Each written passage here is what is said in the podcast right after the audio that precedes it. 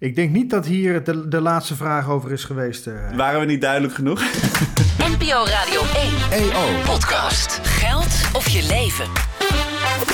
De vraag van vandaag met Sandra Flippen en Sander Heijnen.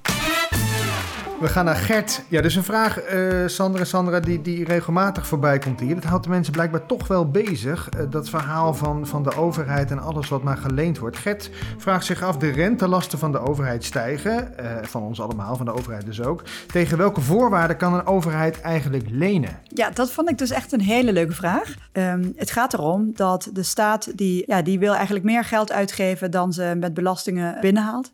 En wat ze dan doet, is gaat ze schuldpapieren uitgeven om extra geld binnen te krijgen. En dan zijn er beleggers die um, zijn bereid om die schuldpapieren te kopen. maar die beleggers die willen wel een vergoeding voor het feit dat ze de staat eigenlijk geld lenen. En dat zijn de rentelasten voor de staat. Nu is het zo dat hoe meer beleggers er zijn, uh, hoe lager die vergoeding is. En je ziet bijvoorbeeld als er een recessie aankomt, dan vluchten veel beleggers weg uit aandelen en dan gaan ze richting uh, obligaties, dus staatsschuldpapieren. Uh, ja, en dan gaat de, de rente op die schuldpapieren gaat naar beneden. En wat ook heel belangrijk is voor staatsschuld, is hoe kredietwaardig de overheid is. Wij bij, bij het Economisch Bureau worden we één keer per jaar door verschillende rating agencies bezocht. Kredietraters zijn dat. Dus die geven, die geven eigenlijk een, een keurmerk aan hoe betrouwbaar is uh, dit schuldpapier. En die, die komen bij ons ook vragen stellen. Dat doen ze bij heel veel economische bureaus.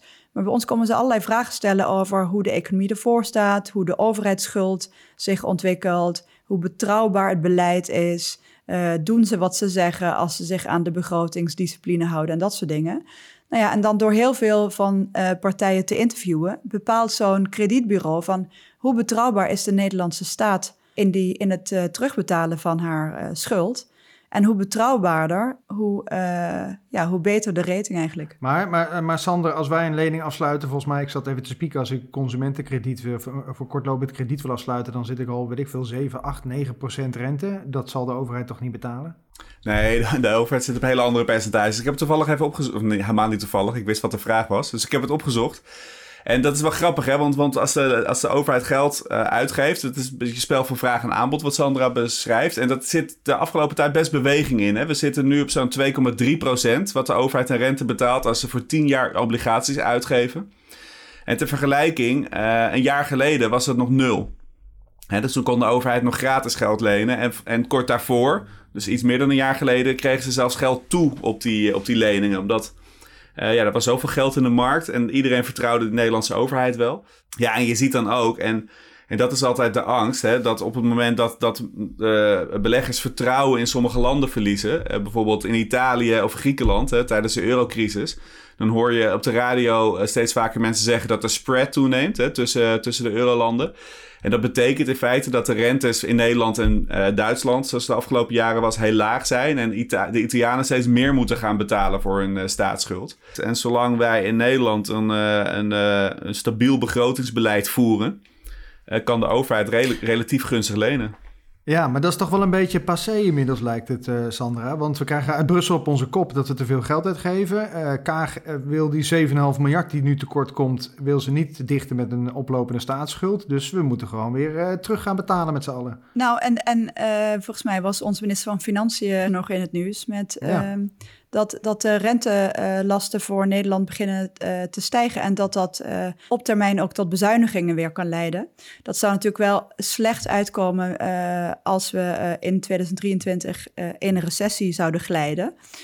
dan komen die bezuinigingen natuurlijk niet goed uit. Ik denk dat het wel belangrijk is om je te realiseren dat die, die, die rentestijging die we nu hebben gezien, dat wil niet per se zeggen dat we in een jaar op onze totale schuld van, wat is het, 400 uh, miljard of iets dergelijks, dat we die rentekosten, dat die echt van 0 naar, naar 3 of zo zijn gegaan. Dat is niet zo.